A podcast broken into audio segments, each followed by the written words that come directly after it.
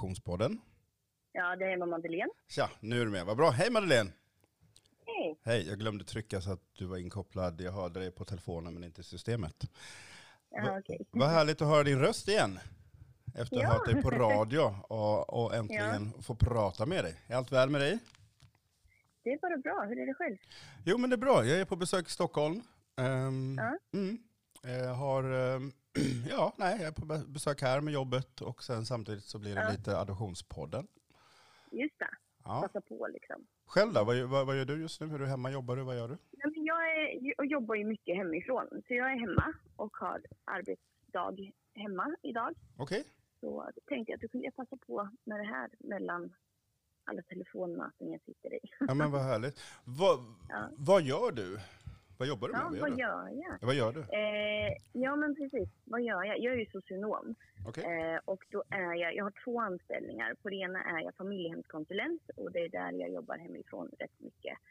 Eh, och åker på jättemånga möten med socialtjänst och familjehem och barn och sådär. Okej. Eh, men vissa dagar blir liksom tomma. Och sen har jag en anställning på ett behandlingshem för flickor som jag jobbat på i nio år.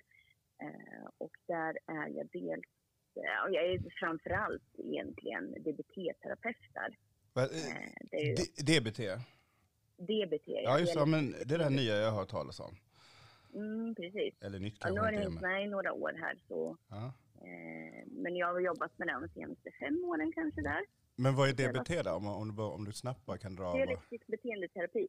Det är, grundar sig i KBT och kognitiv beteendeterapi. Men framför allt är det utvecklat för kvinnor med eh, självskadebeteende och självmordstankar. Är det. Okej. Så det är för att eh, minska på självskada som man använder det. Och då jobbar man mycket med tankar, känslor, mindfulness en stor del utav DBT. Det, det låter ju som någonting som, eh, som passar adopterade väldigt bra. Eh, Ja, men det skulle det absolut kunna göra, tänker jag. Och just det här för att man jobbar jättemycket med att se vad som leder fram till ett destruktivt beteende. Eh, och då jobbar man liksom med, för att man tänker att en händelse utlöser tankar och känslor och det leder till ett beteende. Så Mm. där vi, måste, vi kan inte liksom ändra kanske själva händelsen, men vi kan ändra våra eh, tankar och våra känslor, vilket leder oss till ett annat, mer hälsosamt beteende. Och den, eh, det, den konklusionen kan jag ju köpa. Men varför är det då så svårt? Nu, nu, nu kom vi in på någonting som jag tänkte, så här, det pratar vi om sen, men vad bra.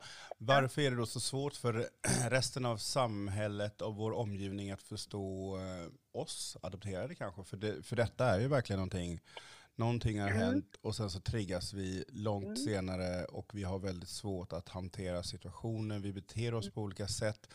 Vi har ju väldigt mycket psykisk ohälsa, eh, vet inte, vad heter det, eh, självmedicinering etc. etc. Nej, men jag tror att det är flera orsaker, men kanske de tydligaste är väl dels en okunskap om den tidiga anknytningen, hur viktig den faktiskt är. Mm. Eh, Det finns ju en anledning till varför vi lägger upp barn på, på mammans bröst i samma sekund som barnet föds. Det Varför gör vi det? liksom- Det är för att trigga igång den tidiga anknytningen. Eh, så det här naturliga som sker eh, i oss när vi får upp ett barn på vårt bröst, att vi direkt känner någonting med det här barnet och vill det väl och så vidare. Och det påbörjas ju redan i magen eh, för de allra, allra flesta om man inte av någon annan anledning har svårt att knyta an. Sen tror jag att det är tacksamhetsskulden. Alltså så. Eh, det låter kanske förenklat men jag tror till stor del att det är där. Vi som fick det så bra. Varför ska vi hålla på med så himla dåligt? Ja. Men, men, men, men bara en, en, en snabba, du, du får ursäkta, jag är sån här att jag, jag, jag är tyvärr man och jag bara hoppar in och jag säger saker. Jag måste bara, min ADHD-hjärna vill ju bara få svar ibland på saker och ting. Men du, du säger då att man plockar upp barnet, eh, och nu kan det låta att jag låter extremt dum, men jag vill bara vara pedagogisk för folk där ute Mm. som, som lyssnar. Mm. Men man plockar upp barnet Mm. och lägger det på mammas bröst för att skapa anknytning. Jag tänker ju att Eller snarare, anknytningen finns ju redan där för barnet har ju legat i magen hela, hela sitt liv hittills. Ja men Eh, precis. men man ja. lägg, ja. Men man lägger det där, liksom, det blir en naturlig fortsättning. Man kan ju märka Precis. på de barn som inte får komma till en förälder och få den här hud mot hud-kontakten. Som en sådär eh, 60 000 av oss som är i Sverige kanske? Nej, ja, förlåt, fortsätt. Ja, precis. Ja, men precis. Och, och jag tänker att det, för många av oss har det ju varit en sån brist. Många av oss har ju tagit direkt ifrån eh, våra mödrar, eh, våra fäder. Eh, Medan många av oss har också fått det, men sen blivit lämnade tidigare.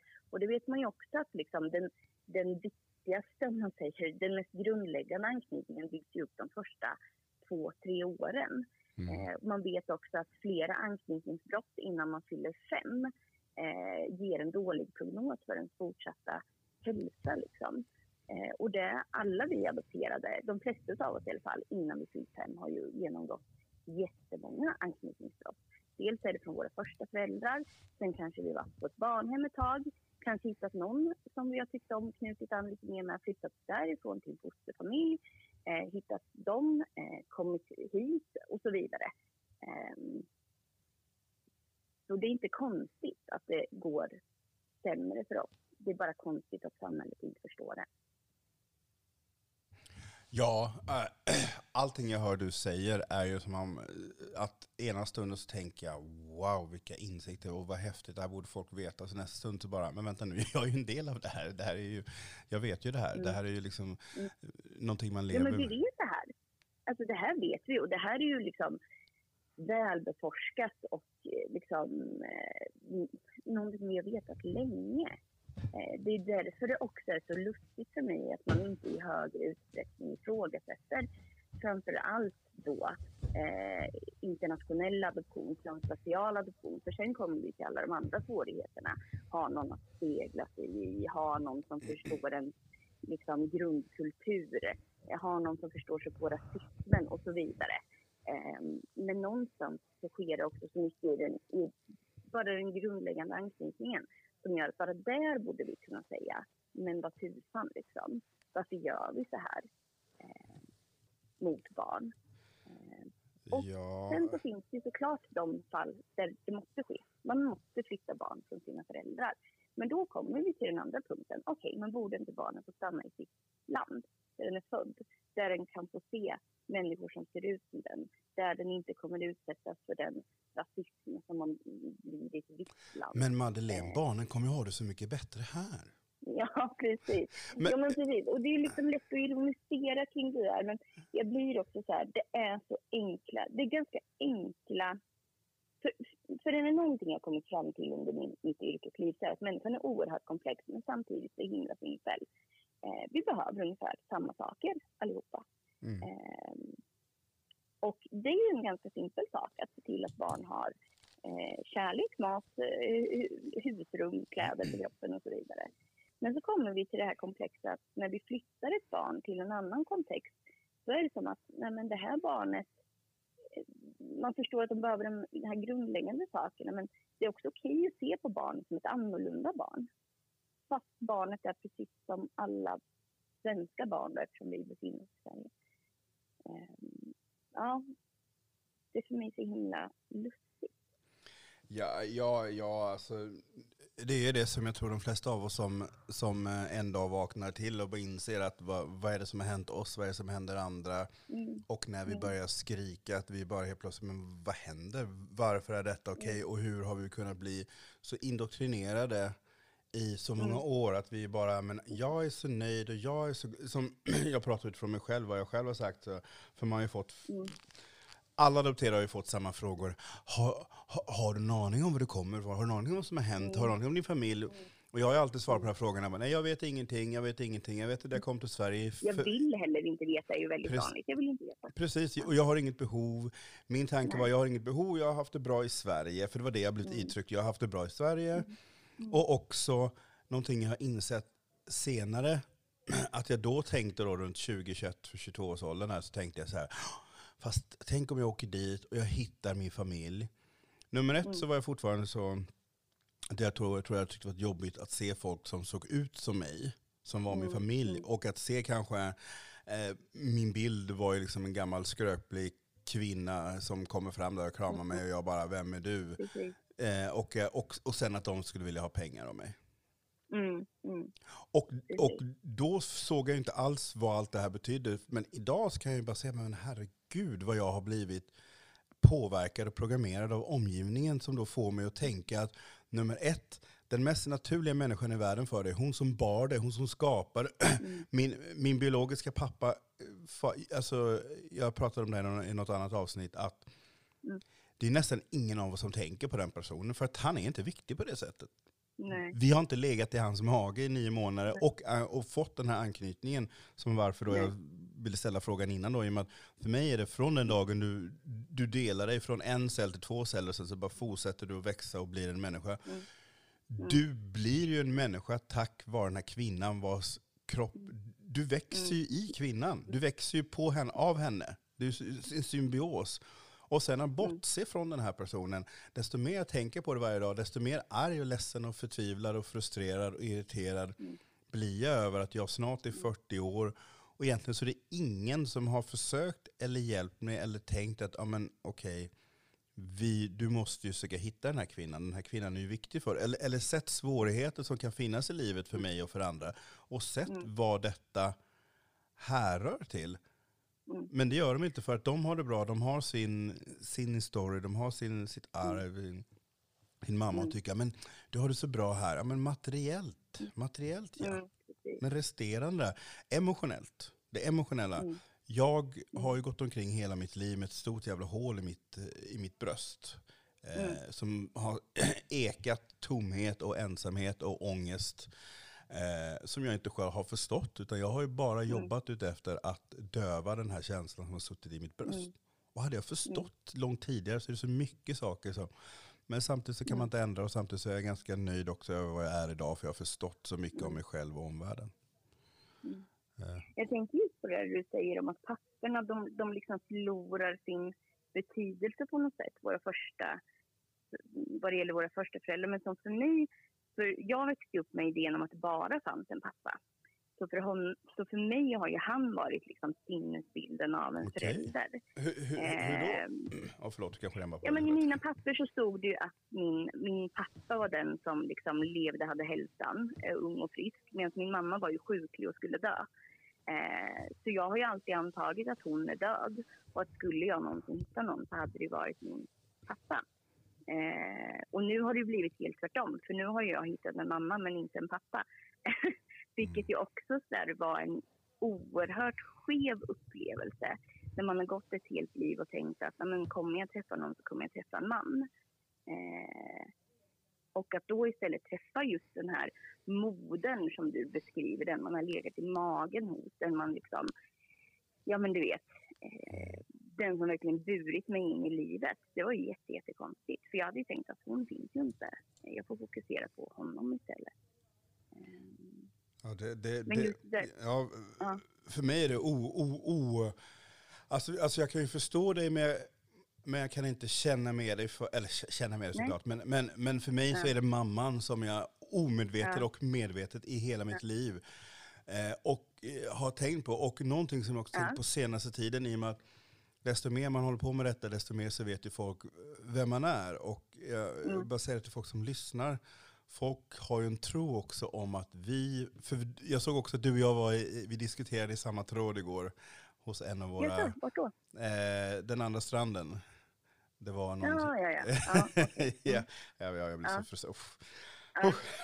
Uh, nu glömde jag, vad, vad, vad var jag? Uh, jo, uh, ma mamman och, och, allt det där. Eh, jag har kommit fram till, eller det är min högst personliga åsikt, men att jag förlåter den här kvinnan oavsett anledning till varför jag är här. Och den insikten också var väldigt viktig för mig för att den har också styrts, den styrs ju väldigt mycket av samhället och samhällets syn. Hon lämnade bort dig. Hon ville inte ha mm. dig. Hon kunde inte ha kvar dig. Okej, okay, jag skiter i om det, alla de här orsakerna stämmer. För det fanns en mm. anledning till att hon lämnade bort mig. Och den anledningen var troligtvis att hon ville att jag på något sätt skulle överleva. Hon hade en instinkt som sa, okej okay, det här är mitt barn, det ska överleva. Jag kanske gör så här, antingen så är det någon som, jag vet inte vad det kan ha berott på, eh, som går och lämnar in barnen på barnhem eller så blir det stulet, fråntaget. Mm. Jag vet hur du, det diskuteras i en viss grupp som jag- var med i men inte får vara med längre, Mm. om, om du blev stulen Mm. eller inte. Eh, och, och, men, eller, som jag också kom på så här, jag, jag bara kom på det häromdagen, så jag bara tänkte, så bara, men vänta nu, vi bor i Sverige, det finns Mm. x antal kvinnor som föder barn varje dag, och av dessa Mm. så är det x antal som får en till exempel förlossningsdepression. Och då har vi Mm. sjukvård i Sverige som fångar upp, när du ligger på, Mm. på KK eller BB eller vad man säger, så har barnmorskorna full koll på alla som är där inne. Jag, jag, de, de, liksom, de har ju ronder och kollar av alla hur folk mår och, och, och, och hur de knyter an till sina barn och det ena med det andra. Men i ett annat land som inte har den nivån, Mm. så kanske det är så Mm. att du föder, åh här är ditt barn, gå hem. Och så går du hem och så sitter du där som mamma och bara, vad är, vad är, vad är det här för någonting? Jag, Mm. jag knyter inte an till henne, jag är ingen bra mamma, Mm. jag vill inte vara mamma, Mm. jag känner inte för det här barnet, men jag förstår att barnet ska leva. Okej, du går och lämnar iväg barnet. Mm. Mm. Tre, fyra dagar senare så vaknar du upp Mm. ur din förloss- förlossningsdepression, psykos och bara, vad fan har hänt? Barnet är Mm. borta. Alltså det finns så många saker som kan ha, ha hänt. Och, som en, eh, och, och det här med att ja, men, de sålde för att de behövde pengar, det ena med det andra. När man, du, du har ju barn, du har ju två eller tre barn, två barn va? Mm. Ja. Mm. Du, vi som har barn, vi vet ju om att det finns extremt få som troligtvis skulle lämna bort sina barn frivilligt Mm. oavsett, oavsett hur situationen är. För att du Mm. Man älskar skulle välja alla andra utvägar innan dess. Precis, och väljer man sen den utvägen då är det utav en anledning. Och, och, och, och det, jag, jag tror att det är väldigt få som bara, nej men jag, här, jag kan inte behålla barnet. Utan det är någonting annat som ligger bakom. Det är någonting som gör att våra mammor har gjort så eller tvingas till. Eller vad det. Mm. Och jag lovar, om du adopterar och du har fått höra whatever utav din närhet så kan jag lova dig att din biologiska mamma har tänkt på dig varje dag i hela sitt Mm. liv. Jo men så är det ju verkligen och jag har ju facit på det nu. Jag har ju liksom umgåtts rätt mycket med henne och sett den liksom skuld och skam och sorg som hon bär på. Men jag tänker just det med att jag, det du säger, det, det slog an lite där du säger, jag förlåter den, den kvinnan oavsett varför. Eh, och jag tänker att lite så känner jag för min biologiska mormor som jag idag vet var den som lämnade bort mig. Mm. Eh, att jag kan liksom inte ens hitta den minsta ilska gentemot henne. Även om jag vet att om jag hade fått stanna så hade jag också fått det bra. För jag vet på ett ungefär hur mitt liv hade täckt sig. Jag har ju tur på det sättet. Jag har ju fått något slags Jo, men, på väldigt många Jo, men också här att du känner att du måste uttrycka att du vet att du har haft det bra, för du vet om Mm. att samhället annars säger bara, men du vet inte hur du har haft det, du kunde, du kunde ha haft det jättebra, Mm. och därför så måste du disclaima här och säga, jag vet att jag hade haft det bra. Förlåt, Mm. fortsätt. Jo, men så är det ju verkligen. Och det spelar kanske ingen roll, men jag tänker så här att jag, jag kan inte vara arg på henne. Och jag kan inte liksom leva så här 36 år senare med att känna att hon gjorde så jävla fel. För att ja, på ett, på ett sätt, det är klart att hon gjorde det. Hon tog sin dotters barn och lämnade bort det. Men på ett annat sätt så var ju det den utväg som hon såg i den kontext hon levde i. Liksom. Precis. Och det, det, det var liksom 36 ja. år sedan och det var ett annat tankesätt där. Mm. Vi glömmer ju ofta att nu lever vi i en extremt global värld där vi har tillgång till information, vi kommunicerar på sätt Mm. som vi inte gjorde för 30-40 år sedan. Nej, det är bara- att titta på när vi växte upp på 90-tal. Det var Ja, inte direkt så att man liksom bara, ja men eh, man hade brevkompisar, man, man skrev i Mm. kamratposten och, och sen så fick man vänta på, nej men så var det ju. Och så, och så var det någon som skrev, Ja, som satte sig och skrev ett brev. Bara, Hej Madeleine, min namn är Man fick Gabriel. vänta en vecka på svar. Ja, och, om en, och det var inte säkert man fick en vecka. Det kunde vara jättelänge för den här personen kanske Ja. satt och skrev och sen så, så, så Ja. kanske den hade en förälder som bara, vi har inga, vi har inga frimärken hemma, ska man köpa frimärken? Och så glömmer, men du vet, så här, det är alltid någonting som händer. Mm. Medan idag är det så här bara, Ja. okej, jag ser på telefonen någonting har hänt, jag skickar ett, ett svar på sms. Det var ju inte så, så på den tiden. Nej, precis. Eh, och så, Nej, ja förlåt ja. Och jag tänker vilka är det som har adopterats bort? Det är ju inte liksom överklassens barn som har kommit hit. Utan det är ju liksom från de lägre samhällsskikten där man inte heller, alltså med de medel man hade då kanske inte var så väl informerad. Plus att man kunde pressas till så mycket av de här stora organisationerna och jag tänker bara på liksom, det oerhört patriarkala Korea där adoptionsorganisationerna liksom har ja, men betalat ganska stora pengar för barnen på det sättet. Man har betalat vårdkostnader och sådär i utbyte mot att adoptera bort barnet. Och jag tänker det är ju det här utnyttjandet som skaver något så överjävligt. För det är klart att det kan finnas behov av att lämna bort sitt barn eller att en förälder inte är lämplig att ta hand om sitt barn. Men det är ju inte alltid det vi pratar om när vi pratar om internationell adoption utan ibland pratar vi liksom regelrätt utpressning och stöld. Ja, och att, folk, att vi måste börja så, så som vi redan gör och där flip the script, ändra narrative. Om Mm. att folk, för vi har ju bilden, både du och jag har haft den, och vi har, eller jag i alla fall, jag har fått jobba med bilden utav hur det är i andra länder, hur andra människor tänker, hur andra människor är. För att det är en bild man har tryckt sig i att ja, men så här är det. Det är jättefattigt och folk är så här och så här och så här. Men alla länder är inte jättefattiga, det är inte jättefattigt Nej, nej, nej. överallt. Och, och det här att, ja men då tar vi, ett, men alla, ja men då tar man någon, någon vit snubbes eller tjejs barn här i Sverige och skickar dem någon annanstans i världen. Det, det finns jätterika människor i, i Brasilien, i, i Afrika, i I USA. Dubai. Ja, i Dubai. Ja men precis. Vi tar de här ungarna här och skickar dem till Dubai. Mm, mm. Det är ingen som hade sagt ja till det. Eller så här bara, ah, nej men, eh, alltså, nu har ju det, Men det, tänker det, att fattigdom är en sån jävla dålig ursäkt. Ja, men det är men det är den, den enda ursäkten som de har egentligen. För att, det är den stora, ja men det är fattigt, du har det bättre här, du har det bättre här hos Mm. oss för vi har pengar. Ja men då skickar vi din unge till Jeff Bez, Bez, Bezos, Jeff Bezos heter Mm. han. Eh, och, så, och så kan han ta hand om ditt unge, det blir jättebra. Han kommer ha det jättebra. Det är ingen som hade tyckt att det varit en bra idé. För, nej, varför, varför, varför då? Varför då? Mm. Men, men för oss, och så tacksamheten och, och, och Ja, men, och vi vet ju också, jag tänker bara som jag då, som ändå är från eh, ett, en av världen, världens största, idag största ekonomier, liksom. Korea, superrikt Sydkorea. Eh, och jag har ju växt upp med idén om att jag skulle växa upp på något trampat jordgolv, liksom. Eh, och ja. det var ju liksom, det är klart att jag hade förstått innan jag reste till Sydkorea, för jag var ju ändå 34 år när jag åkte dit första gången. Klart jag hade förstått att Korea var rikt, men ändå så slår det mig när jag går där att skulle inte det här landet kunna ta hand om sina egna barn? Det är helt absurt. Mm. Eh, det är ju så rikt så att det bara rinner pengar ur fickorna på vissa människor. Liksom. Ja. Eh, och just det här att, att ekonomi fortfarande uppges som en anledning till varför föräldrar lämnar bort sina barn i Sydkorea. Det, ja, Ja, det- ja, det ja. är helt ofattbart. ja jo, nej men alltså, det är ju, alltså, tyvärr är det så. Jag får ju varje dag i mitt huvud, så är det är ju en kamp att programmera om sig själv. För att du har ju Mm. en bild utav hur världen är. Hur världen, jag kommer ihåg när, när jag kom ut ur, eh, när jag vaknade upp för ett gäng år sedan, vad kan det vara? Alltså, man har haft perioder där man vaknat upp ur, ur vissa, vi- vissa typer av beteenden. Men Mm.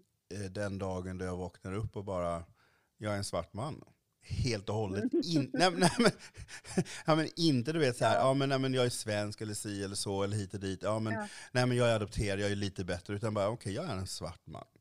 Ingenting utav vad jag har lärt mig om att jag har någon form av privilegier, privileg, privilegier på grund av att vi är adopterad stämmer överhuvudtaget. För jag är en svart Mm. man i Sverige Mm. idag. Mm. Och jag måste Jag acceptera hade det. ett liknande uppvaknande. Inte, så här, inte att jag är en svart man, för det är jag. Men, det hade varit kul om du hade, eh, om du hade ja, varit hade varit jättespännande om du har den insikten.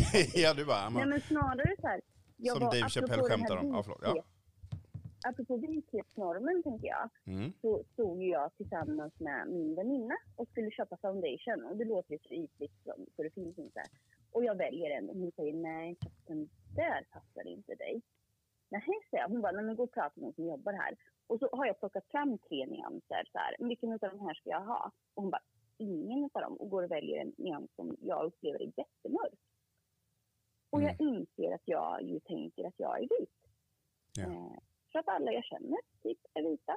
De Mm. allra flesta människor jag vet är vita. Eh, och hur jag då, och då är jag kanske 32, 31, 32 där någonstans. Har ju fått barn och liksom allt det här. Och bara inser liksom att, jaha, så här mörk är jag. Mm. Även på vinterhalvåret. alltså så.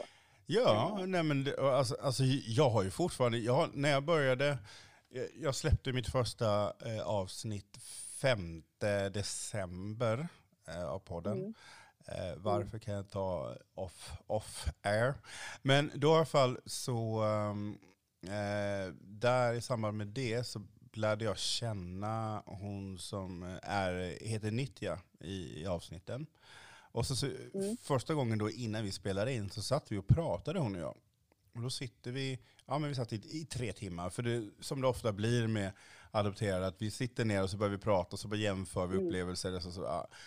Men sen, sen är vi klara efter tre timmar, så jag bara, men jag, jag, jag, så jag vill bara jämföra hudnyanser, liksom. hudtonsnyanser. Och sträcker fram min hand bredvid hennes och får en sån jävla chock. För att hon är ju indisk. Och i? Hon är... hon är från Indien. Och när jag tittar Ja. på henne så tycker jag att oj, hon är mörk. Och jag, jag vet om att jag är Mm. svart och afrikan. Mm. Eller afrikanskt ursprung.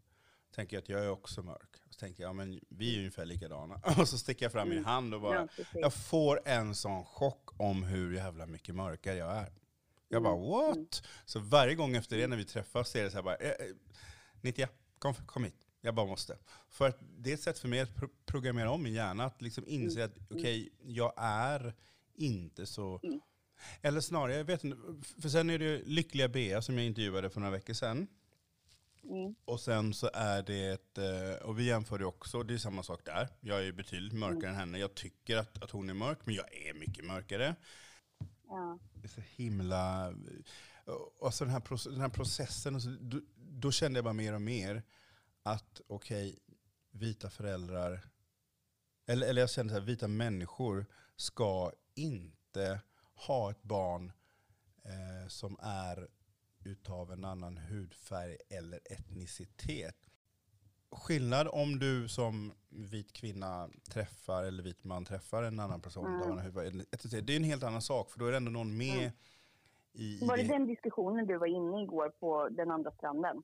Eh, jag var inne i den här om där den andra stranden berättar om när hon kommer hem och är 13 år och berättar för sina föräldrar att hon tycker svart, är, svart hud är fint och Ja, men precis. Ja, precis. Och då är det någon som hon känner som ger sig in i diskussionen. Ja, och, och då...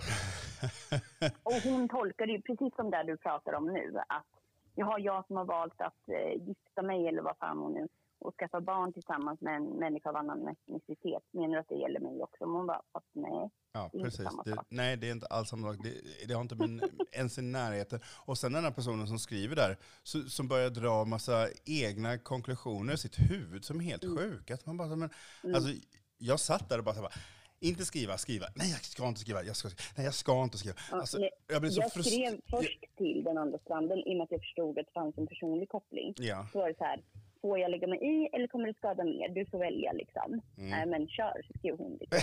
ja. Jag frågar inte, jag bara kör.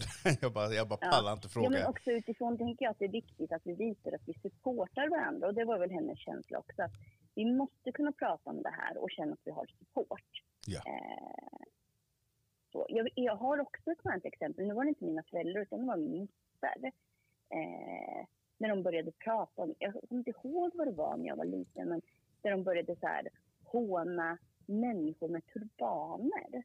Och Mhm. tänk om du skulle komma hem till mamma och pappa med en kille med turban. Och jag fattade liksom inte. Och jag bara minns så här att, nej okej, människor med turbaner är konstiga.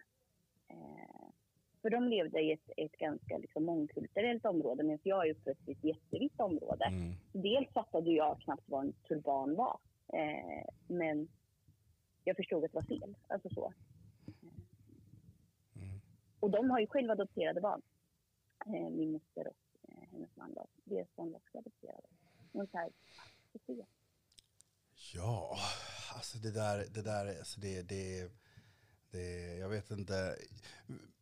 Själv har man ju upplevt extremt mycket rasism i det här landet, vilket folk inte förstår, och Mm. vilket folk alltid vill säga nej men, det, nej, men, ja, men du vet vad folk sagt, nej men det var nog så eller si så, bara nej, det var inte si Mm. eller så, utan det är så här.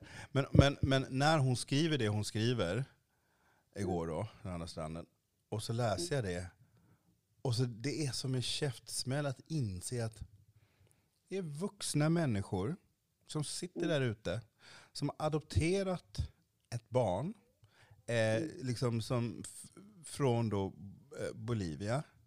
Eh, och jag antar att eh, eh, hen är ganska mycket, jag kan inte de olika tribesen där, men mapuche är ju Chile, jag vet inte om det går över i, i Bolivia också. Men eh, utseendemässigt så ser man att den personen har ju väldigt mycket native, eh, native Mm, i, i, i sig. Mm. Och sen kunna säga en sån sak och, kunna, och, och då kunna säga att ah, men, de är lägre stående. Mm, de är lägre stående, ja precis. Och förut när jag var yngre så har jag förstått att folk tycker så, men jag har alltid levt utan det här med du är adopterad så du är inte, du, du, du är, Mm. Du är bättre. Du är högre stående än vad du ser ut att vara. Den Ja, är schysst. Ja men, ja, men, nej, men det är den. Och, och, och, och- folk som alltid, men det jag försöker få folk att förstå nu för tiden, det är det här att folk bara, ja, nej, men vi ser, nej, men du vet, vi ser inte dig som det och jag är färgblind och det ena med andra. Nej. Absolut, du påstår att du är färgblind, nummer ett så är du inte det. För jag har sett hur du reagerar när det kommer in andra människor, people of color, som du inte känner. Som kommer in i ditt space. Jag vet många vänner, jag vet hur folk blir när de kommer in i ett rum där de inte är i majoritet längre. De får panik, själsligt, men de försöker att inte visa det, men man ser på dem. Eh, Men det här då att, folk tänker, ja men du är ju inte som dem. Jag brukar försöka förklara för folk att nej okej, för dig är jag inte som dem. Men för någon annan på gatan så är jag dem. Jag är dem, för folk vet, för, för det är inte så att jag har ett pass eller att jag har en adopterad stjärna på bröstet som bara, jag är adopterad, Nej. Adopterad.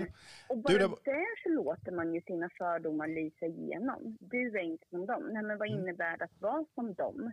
Ja. Skulle det vara någonting sämre eftersom du så gärna liksom framhåller hur mycket jag inte är det? Mm. vad, vad betyder det? Liksom? Och jag tänker att den där har jag också fått höra genom alla år. Men jag ser, jag ser på dig som svensk. Jaha, Åh, skulle det vara bättre än att du ser på mig som korean? Jag förstår liksom inte.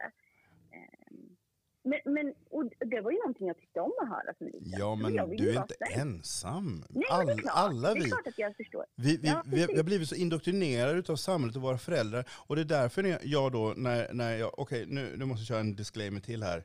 Jag var ju med i, i en grupp, jag, jag gick med i en grupp tack vare dig Madeleine. för du ska, du ska, för, för, jag är lite så, liksom, jag vill gärna diskutera och, och jag ogillar när folk Mm. liksom, sitter i sin bubbla och bara, för här är det. Och så berättade du ett in, Mm. inlägg i julas om Mm. då efter ditt eh, senaste vinterpra- vinterpratet om att folk då debatterade om du hade blivit stulen eller inte Mm. och huruvida det här var okej. Alltså det, det var en sån sjuk diskussion och så frågade jag dig vad det var för vad detta var och sen så tog jag ju reda på vad det var och gick med i gruppen. Och sen har jag då skapat en massa rabalder i gruppen för att jag inte lyssnar. För, för att jag inte liksom så här, ja men sitter där som den lille tyste snälla adopterade i ett hörn och så bara ja adoptivmammor, ja adoptivmammor, absolut adopt- adoptivmammor, absolut visst är det så. Ut, ut, utan jag säger vad jag tycker. Eh, högt och ljudligt för att folk ska fatta att det hjälper inte att sitta där och bara, "Ja, nej, men vi utbildar oss om rasism. Vi träffas i familjegruppen och utbildar oss om rasism. Så vi har full koll på det. Nej, du har inte full koll. Du har ingen koll alls. För att du ser det inte. Du ser inte mikroaggressionerna. Du ser inte hur folk tittar på dina barn. Du ser inte, när du går in i en butik och du kanske går före, eller, eller barn går före. Din blick är på en sak, du ser en sak. Men dina barn kommer känna av att oh, här tittar de i butiken på dem, här tittar den personen, den personen rynkar på näsan, den ju säger. Men du ser inte det för du är inte van vid att känna av de här mikroaggressionerna som är. Så du kan inte veta vad rasism är. Och det var då jag blev utkastad när jag ifrågasatte men, att, och sa att men, vet du inte om det här som, som adoptivförälder så är det ignorant och borde utbilda dig innan du plockar hit ett barn för du tror att din vita hy gör att, din vita hud gör att du kan liksom slå bort all rasism. Och vet du om detta och ändå plockar hit ett barn så vet jag inte vad ditt fel är. Och så skrev jag någonting om att alla barn, icke-europeiska barn, eh, kommer att uppleva rasism i Sverige. Och då blev det ett himla liv och så tyckte de ju att jag var eh, för radikal och att jag bara var ute efter att bråka och att jag skulle starta diskussioner med alla att jag inte, att jag inte var för adoption. Och visst, alltså jag är inte 100% emot adoption men jag är 100% emot adoption som det förs idag. Men vad jag skulle Mm. säga med min disclaimer var att då administratörerna i gruppen, de, de valde att, eh, att eh, kontakta mig och sen så frågade de, och så sa de här är, är våra regler och jag kollade på reglerna och jag har inte brutit mot dem, jag har inte sagt att jag är emot all adoption. Eh, Jag diskuterar med folk, bara det att jag inte tillåter att folk liksom, ja, men, pratar ner till mig. Eller, eller, eller jag förstår inte varför jag ska tillsammans med ordförande för en viss organisation sitta och vara snäll mot en som sitter och berättar hur underbar organisationen är och hans pappa var med och startade och det ena med det andra. Mm. När jag vet om att vi har 673 fall i Sverige varav 89 har lämnat in sina papper från Chile. Mm. Och sen har vi dig och sen har vi alla andra. Sen har vi, jag, jag läser eh, eh, eh, stulen identitet, eh, inlägg hon berättar om när hon var tillbaka för x antal år sedan och var, och, eh, det är bara så mycket saker som bara i huvudet och så bara, men, och så adoption joy. Fuck you, säger jag bara. Vad fan är vi? Och nu vet jag inte ens vad jag skulle börja prata med eller om. Jo, jag var i gruppen där. Eh, jag blev Mm. utkastad. Jo men i alla fall så tog de upp och jag bara, nej men jag tycker så här. Men jag bara, okej, är det så att ni inte vill ha mig här så får ni ta bort mig. Inga konstigheter. Eh, vilket de gjorde. Eh, och sen så vet jag Mm. att de la upp något inlägg eh, om detta. Och sen Mm. några dagar senare, någon dag senare så stängde de ner gruppen för det var, det var väl en massa annat folk som också hade diskuterat och debatterat. Och, och, och jag förstår dem att det, det tar mycket kraft och energi. Men det jag vill säga är att oavsett, och till, och till dem om de lyssnar, eh, är att oavsett, för mig är det så här med adopterade, så jag, jag är lite som med yttrandefrihet och liberaler, att jag, även om jag inte tycker som adopterade som är positiva till adoption, så är deras åsikt så pass viktig för mig att jag det är den som är viktig, det är inte föräldrarnas, det är inte någon annan, utan det är liksom, är du adopterad och du är jävligt nöjd med adoptionen och du vill promota det, gör det. Mm. Gör det. Jag, jag, jag, jag supportar dig till 3000 procent, men var beredd på att jag, kom, att jag inte tycker så.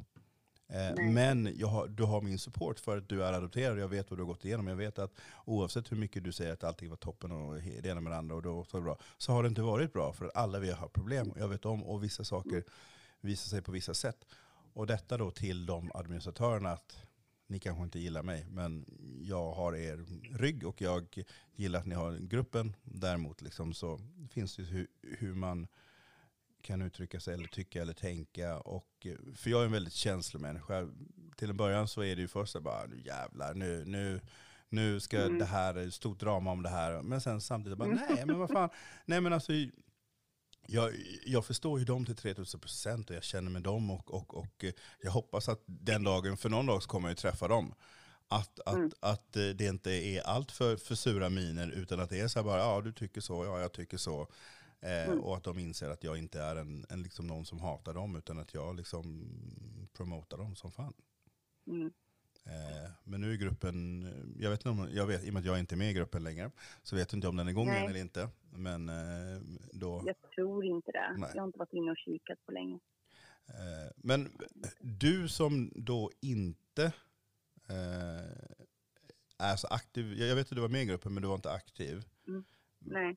Eh, Och, och jag vet ju varför du, för du kände väl att du hellre ville ta ett steg bak efter, eller, eller, eller, eller vad var tanken där? Tänkte eller du kände bara liksom att Nej, alltså, du har gjort din grej? Endast, Ja, nej, det handlar inte om att jag har gjort min grej. Det handlar om att jag klev endast in i gruppen för att jag upptäckte den här diskussionen om huruvida jag var stulen eller inte. Jag var ju redan med i gruppen då och Mm. hade kikat lite och kände så här att nej, men, jag kände mig inte välkommen i den. Eh, mina åsikter kändes inte välkomnande så jag bara läste. Eh, och ibland ger det ju uppslag till liksom tankar och så, här, så jag tänkte att det finns ändå något, något vettigt med att vara med här. Eh, det gjorde mig inte alls för illa liksom. Men sen så dök ju den här diskussionen upp om vinter och huruvida jag var stulen eller inte. Och då kände jag nej men det här är inte okej. Det är inte att diskutera liksom det jag säger eller att diskutera min kritik. Utan det här att diskutera min person och vad jag faktiskt har varit med om. Mm. Och behovet av att sätta en stämpel på det, stulen eller inte, men det måste fasen få vara upp till mig. Ja. Eh, och, sen, och det hamnade, ju också i massa sådana eh, du vet, juridiska diskussioner. Ja, men fick man göra så? så då är man ju inte stulen. Men vad fan, om, om din morsa tog din unge skulle inte du tycka att hon hade stulit barnet? Ja, men alltså så. Men det... Eh, och sen har väl jag bara skrivit ett fåtal inlägg. Men det är också att jag är, för att till skillnad från dig så är jag inte fullt så provokativ och liksom konfliktglad. Eh, som man kan tänka. För att man kan tänka, okej, okay, du har gjort sommar, du har gjort vinter. Eh, men det finns mycket som jag tycker och tänker som jag inte vågar ge uttryck för riktigt än. Eh, och jag är, jag tar illa vid mig när jag blir ifrågasatt. När men det gör vi alla, det, det, gör jag med. Alltså ja, det, det, alltså det gör... jo, jag förstår det, men man kan hantera det på olika sätt och man kan liksom ändå känna drivet att nej men skit i det, jag vill ändå fortsätta. Men för mig, som, och jag tänker att det gäller ganska många av oss, jag har ju varit duktig adopterad i 33 år. Ja. Eh, och det är först de senaste tre åren som jag har börjat upp, öppna upp för det här. Vilket jag också, det har gått väldigt fort för mig. Eh, jag har gått från superadoptionspositiv, du vet poster girl number one, mm. till, till där jag är idag. På tre år, det har gått liksom för fort. Eller för fort, men det har gått fort i alla fall. Eh, och därför så gör det blir svårt för mig att liksom ge mig in i allt för kraftiga diskussioner. Och jag är ju rädd för adoptivföräldrar ibland. yeah, va, så. Va, vad är det bland adoptivföräldrarna som du känner att du är rädd för? Nej, men dels så finns det ju alltid någon sån här... För jag är ju också... och det har säkert liksom både med min uppväxt och min, min adoption att göra. Jag är en duktig flicka och jag vill att människor ska vara i konsensus och vara sams. Mm. Ehm, jag kan absolut vara i konflikt om det är någonting jag verkligen tror på. Jag går ju in och säger ifrån. Men det är någonting som liksom skaver mig lite. Och just med adoptivföräldrar så är det att det känns så himla jobbigt att lägga skuld på. Det känns så jobbigt att, ja, men som du gör, jag tycker inte att vita föräldrar ska ha barn av annan färg om de inte kan hantera, alltså så. Jag, jag tycker också de sakerna, men det är bara så svårt att liksom säga eller skriva de orden. För då hamnar jag såhär, nej men då kommer den bli arg och den kommer bli jo, ledsen. Och, ja, och, och, och, och, jag, jag är med dig till 3000 procent och jag ska förklara ja. hur, hur, jag tänker i detta. Och, och, och det är ju mm. det att, att jag känner ju jättemånga adoptivföräldrar. Alltså jag känner många som adopterar, mm. jag känner deras föräldrar och, och jag älskar mm. många av deras föräldrar. Jag har ju liksom, ja. några av mina bästa vänner i, i Stockholm Eh, frun i, i, i, eh, i, i paret, eh, hennes lillebror är, är adopterad från Sydkorea. Mm. Och jag känner deras föräldrar jätteväl. Och, mm. och, och det är för mig då är så här att å ena sidan så sitter jag och säger detta, och å andra sidan så är det här människor som jag älskar att umgås med. Jag älskar att umgås med på sommarna, hänga på Öland med och sådär. Eh, men på något sätt så, gör, så inser jag också att jag är det så att de hör detta och tycker att vad mm. fan säger du Gabriel? Då vill jag, lite som den här stranden skrev igår, då får man komma och prata med mig så ska jag förklara mm. för den personen vad detta är. För, för vad det mm. är, är att de kommer känna en viss kränkthet eller känna sig ledsna över att jag känner och tänker så här.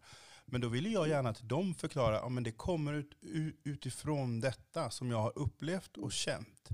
Ni gjorde detta valet 1982 eller 3 eller 4. Det är 40 år sedan snart.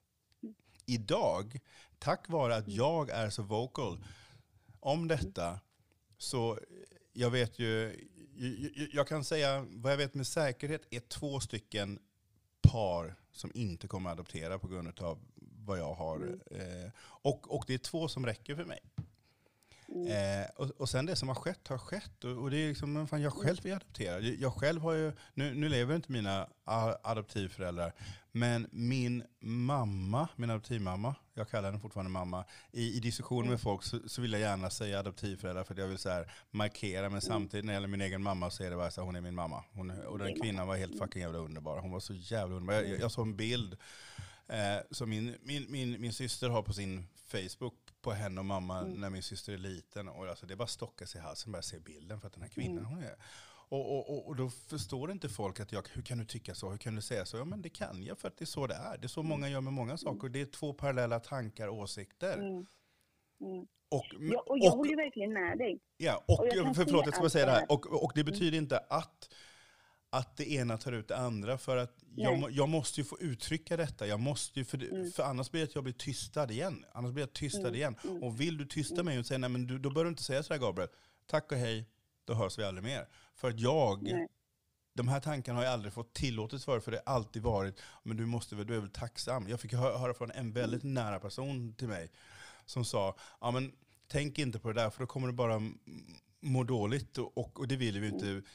Tänk på allt positivt. När, när jag drog upp om att ja, men Haiti, jordbävningen och att jag själv drog eh, paralleller till att under jordbävningen försökte de smuggla ut en massa barn som skulle adopteras bort.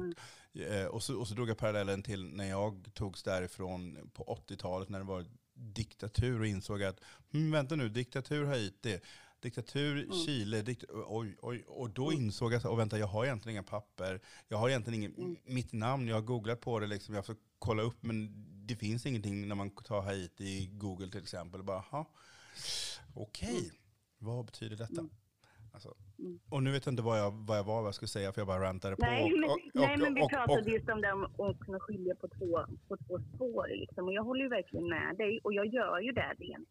Och den här diskussionen har ju jag fått ha med mina föräldrar såklart. Och de ser skillnaden på det strukturella och på det privata. Vi har en god relation, det är inget, inget så. Och likadant med mina vänner. Om jag kritiserar vita så förstår ju de att det handlar om en, en maktstruktur och att det handlar liksom om system. Men det är ändå någonting i mig när jag ska ge mig in i diskussioner med människor jag inte känner som gör att jag så här, ah, det tar lite stopp för mig. Ja, jo, jo, men det, det blir liksom svårt. Och, jag- och jag tänker också så här att ja, om jag bara talar utifrån mig själv. Jag bär ju med mig så himla mycket av att du vet, rädsla av att bli lämnad, rädsla av att bli övergiven, ett tydligt ambivalent anknytningsmönster som är sådär att antingen så kan jag gå in och vara taskig, alltså elak nästan mot människor och var så här, du vet, verkligen försöka trycka bort folk. Eller så blir jag ju så här, lämna mig inte! Och jag tänker att den spelar ju också in i de här starka diskussionerna med framförallt adoptivföräldrar. För att det blir någon sån här konstig projicering av mina egna föräldrar och du vet. Men det där är sånt där jag får ta med min terapeut. Ja. ja, men alltså, alltså, alltså, du har rätt. Och, och, och sånt kan man ju ta eh, någon gång off air, för att det du säger, Ja. du är ju inte själv i dina tankar och känslor. Alltså, Nej, såklart. Alltså, alltså du kan ju ta det du känner och du kan egentligen kopiera det och pasta det på mig. Skillnaden är, är, är ju, jag tror att skillnaden mellan dig och mig är att det här är min egna tanke och åsikt. Det finns ingen statistik, det finns ingen fakta bakom alla Nej. vita adoptivföräldrar bak, där ute som kräver det. Men att jag tror att nummer ett så är jag man. Jag har blivit uppfostrad Ja. på ett annat sätt att ta plats. Mm, Eh, också jag brukar säga att jag är uppfostrad som en vit man, fast jag är en svart man. mm, Eh, Och eh, nummer två, vad skulle jag säga nu, vad var nummer två? Vänta. Eh, sånt här, så det, det är sånt här min, min hjärna den stockar sig när man är så himla inne i en diskussion. Vad fan var nummer två? Mm. Eh, men det var någonting om att eh, hur samhället, äh, jag, jag kommer komma på det sen. mm. Eh, men, eh, men jag tänker också just att vara man hjälper, eller stjälper, eller vad man nu ska se det som. Alltså att det är ju väldigt ehm, Ja. ehm, nu kommer jag på det. så. Ja men Ja. precis, det är påtagligt. Men sen också, min hudfärg har gjort att jag, och du får eh, bli arg på mig eller whatever, men många som har adopterat från Asien har ju gjort det av en anledning för att det är så nära. De, Absolut. ja. Mm. Medan jag är ju, och det är ju någonting med mina föräldrar som jag vet ju att de brydde sig ju inte om varifrån barnet kom. Och på något Nej. sätt, förut var det positivt, och det är fortfarande positivt på ett sätt. För det var ändå så åt- åt 70-80-talets glada, så här bara. Eh, Mm.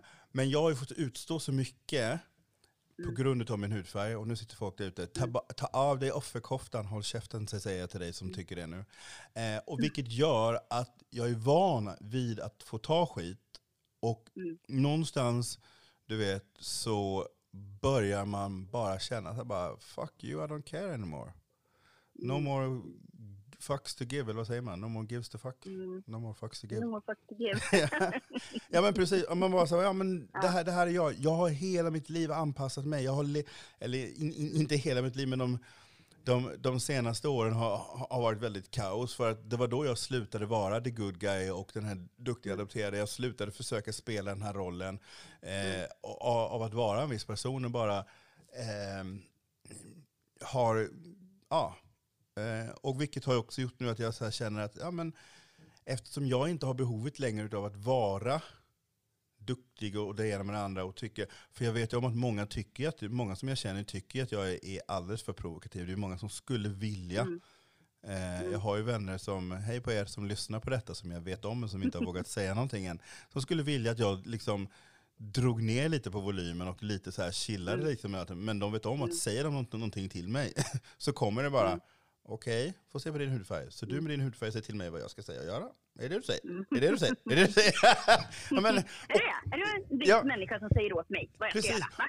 Och det är väldigt grovt, men det är ju så. Och det är så det har varit jämt. Och det är ju så det är i alla de här diskussionerna. Och det är ju också i den här jävla fucking, eh, förlåt jag menar så, men som det är i den här gruppen som jag blev utkastad ur. Mm.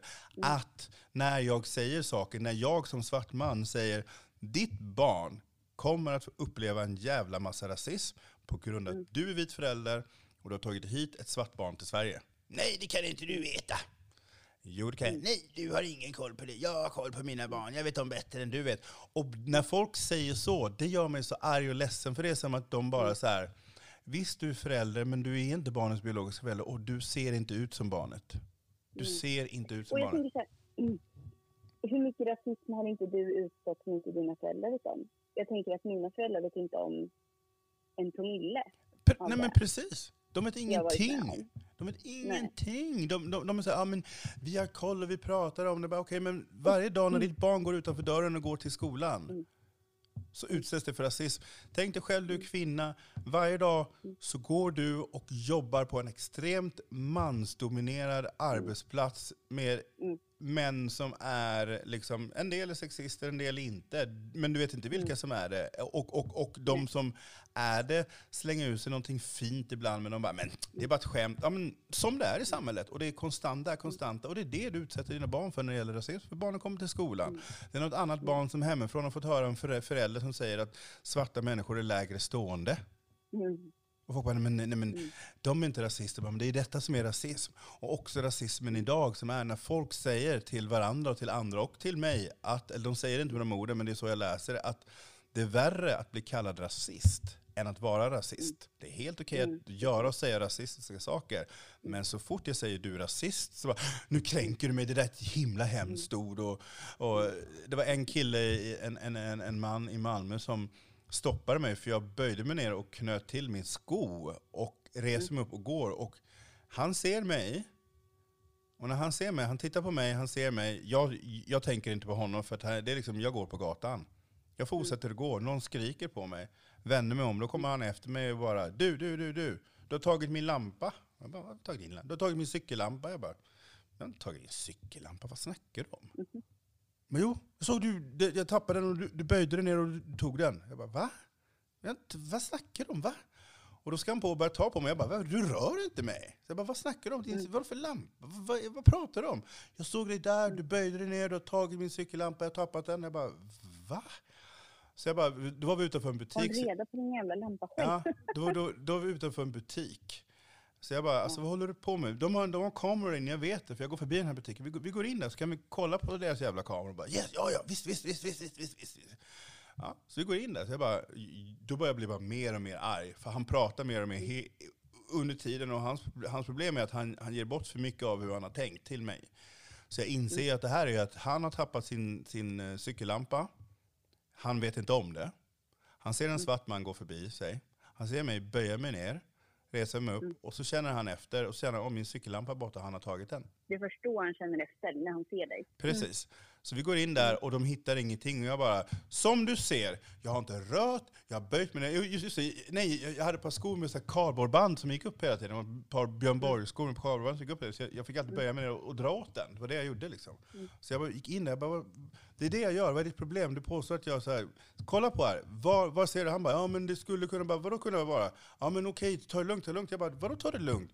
You are a fucking racist. Han bara, du kan inte säga så, det är ett hemskt ord. Jag bara, men det är ett hemskt ord för du är en hemsk person. Jag går förbi dig, detta sker. Jag böjer mig ner och sen, och sen börjar du skrika mig på så att jag har snott. Var, hur kan du koppla ihop de här grejerna? Hur vet de att det var här du blev av med din cykellampa? Mm, nej, nej, precis. Du ser en svart man, din sak är borta. Det är rasism. You are a fucking racist. Och, och den här snubben, han, han var ju utom europé men, mm. men väldigt ljus sådan mm. Eh, mm. var han. Så att, då, och då kan han inte vara rasist förstås. Nej, rasist, det tänker inte han i och med att han själv utsätts för väldigt Nej. mycket rasism och folk tror att han är, är terrorist för han var ju liksom arab. Liksom. Mm. Och jag bara, alltså, det, mm. här, det här är, är, är Alltså jag var så arg, jag stod och skrek där inne. Folk kommer fram och försöker lugna mig. Jag bara, det är inte lugnt någonstans, gör aldrig om det här. Och, och folk kan tycka att ah, nu, nu tog du i Gabriel. Men vad jag har lärt mig av nästan 40, nej, 39 år i februari nu var det, jag kommer februari, 7 februari tror jag kom till Sverige. Är det det att det hjälper inte, och det är därför också i den här gruppen, det hjälper inte att prata och säga, ja ah, nej men du, eh, du, du, du kan inte göra så här att folk går förbi dig nu och tror att, att jag har tagit någonting för att jag böjde mig ner. Mm. Eh, jag vet inte om det är rasism eller inte, men det, det, det, det, hjälper inte. Och nej, det kanske inte alltid hjälper att skrika, men i detta så vet jag om att han kommer aldrig igen anklaga mm. en annan svart man för att ha tagit någonting utan att vara 100% säker. För att mm. det livet jag skapade där. Mm. Eh, och, och, och, det liknande med annat också. Liksom. Eh, men du, eh, du, du kanske måste gå mm. snart eller? eller när, när ja, man... Nej, det är ingen jättefara. Är bara skit i, skit i mina ja. behandlingspatienter, det här är så trevligt så. Ja. Eh. Ja, precis. Nej, men jag har ingenting nu. Eh, jag har en massa skrivjobb, så det blir bara jag själv. Ja, det är Madeleines chefer. Hon, hon sitter bara hemma och chillar och, och gör radiointervjuer. That's her life. Ja. Ja, men, men, men, men det, jag kan säga att till Madeleines chef att det här är hennes reparation för adoption. Så att bara liksom hon, mm. hon kan göra så. Nej. Jag har väldigt supportande chefer. Ja, men jag, du, jag har förstått det på, det är lite så här, alltså för mig så blir det så här, när jag, när jag lyssnar på dina, på dina prat, ja. och du pratar om dina kollegor och din chef, och du åker hem och du känner och sådär, så sitter jag hela tiden och tänker och bara, och bara så bara, nej, det där stämmer inte. Det stämmer inte.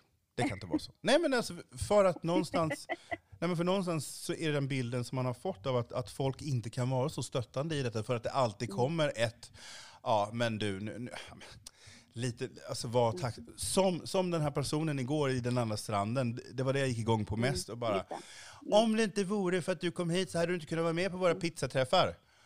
Nej, precis. Och då blir jag bara så här, alltså din bara, lilla jävla, jag vet inte vilket ord jag ska använda. Eh, hur kan du säga så? Du, här, mm. här är vi så här, jag är gift med en man, han är brun, han är adopterad. Nej, nej, nej. Bara, ja, nu kör du den här, jag är inte rasist för att jag har en svart pojkvän, jag, jag tänker si, jag tänker mm. så. Men de hör och ser det inte själva. Nu, nu så sa hon ju inte exakt det, men hon nämner ju det och liksom så här, ja, jag umgås med mina svärföräldrar och, och andra och de har adopterat och de är inga hemska människor. Nej, men du är inte en hemsk människa för att du har adopterat. Ut, ut, utan det hemska är att du för 30-40 år sedan tog ett beslut som var ett egoistiskt beslut som var jag vill ha barn, mm. jag skiter i var barnet kommer ifrån, jag har pengar, vi mm. kan betala, vi kan få hit barnet. Vi gör så. Vi bryr oss inte, vi tänker inte på att barnet ser annorlunda ut. Vi förstår inte att det finns rasism i Sverige. Vi förstår inte att barnet kan ha en anknytningsproblem. Vi förstår inte att det kan bli trauma. För det enda vi har lärt oss i här i Sverige är att vi är bäst, vi är bra.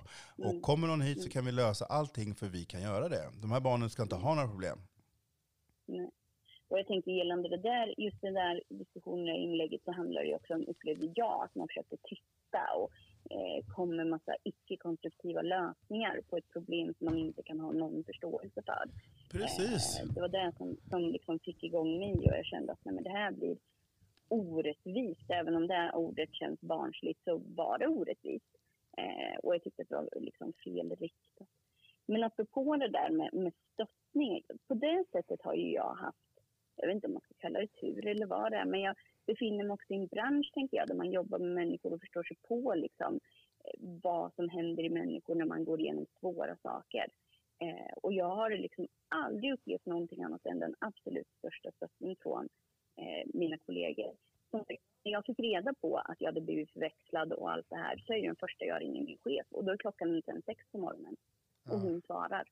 Eh, det är liksom och det har ju varit det tillsammans såklart med den stöttning och den allting jag fått från alla runt omkring mig, men det har varit liksom avgörande för att jag ska sitta här och ändå känna att men jag vill göra ett jobb kring det. Jag vill inte bara veta det här och inte göra någonting vettigt med det. Det och sen allt det praktiska, tänker jag. Man får en dag ledigt här, det är okej att jag liksom eh, nej, men fixar med det här på sidan av. För det är klart att det här tar jättemycket tid. Ja. Eh, det vet ju du också. Jag tänker att podden är väl ingenting du rullar in pengar på eller Instagramkonton eller sådär. Det är ingenting man tjänar pengar på. Utan man, det kräver ju att man antingen har ett jäkligt högt driv själv eller att man har också förstående eh, arbetsgivare. Ah, Jag ja. tänker, Ja, jag, ja, jag, jag har ju bara fått vara borta liksom på grund av sommar och vinter och nej men det har liksom varit fint.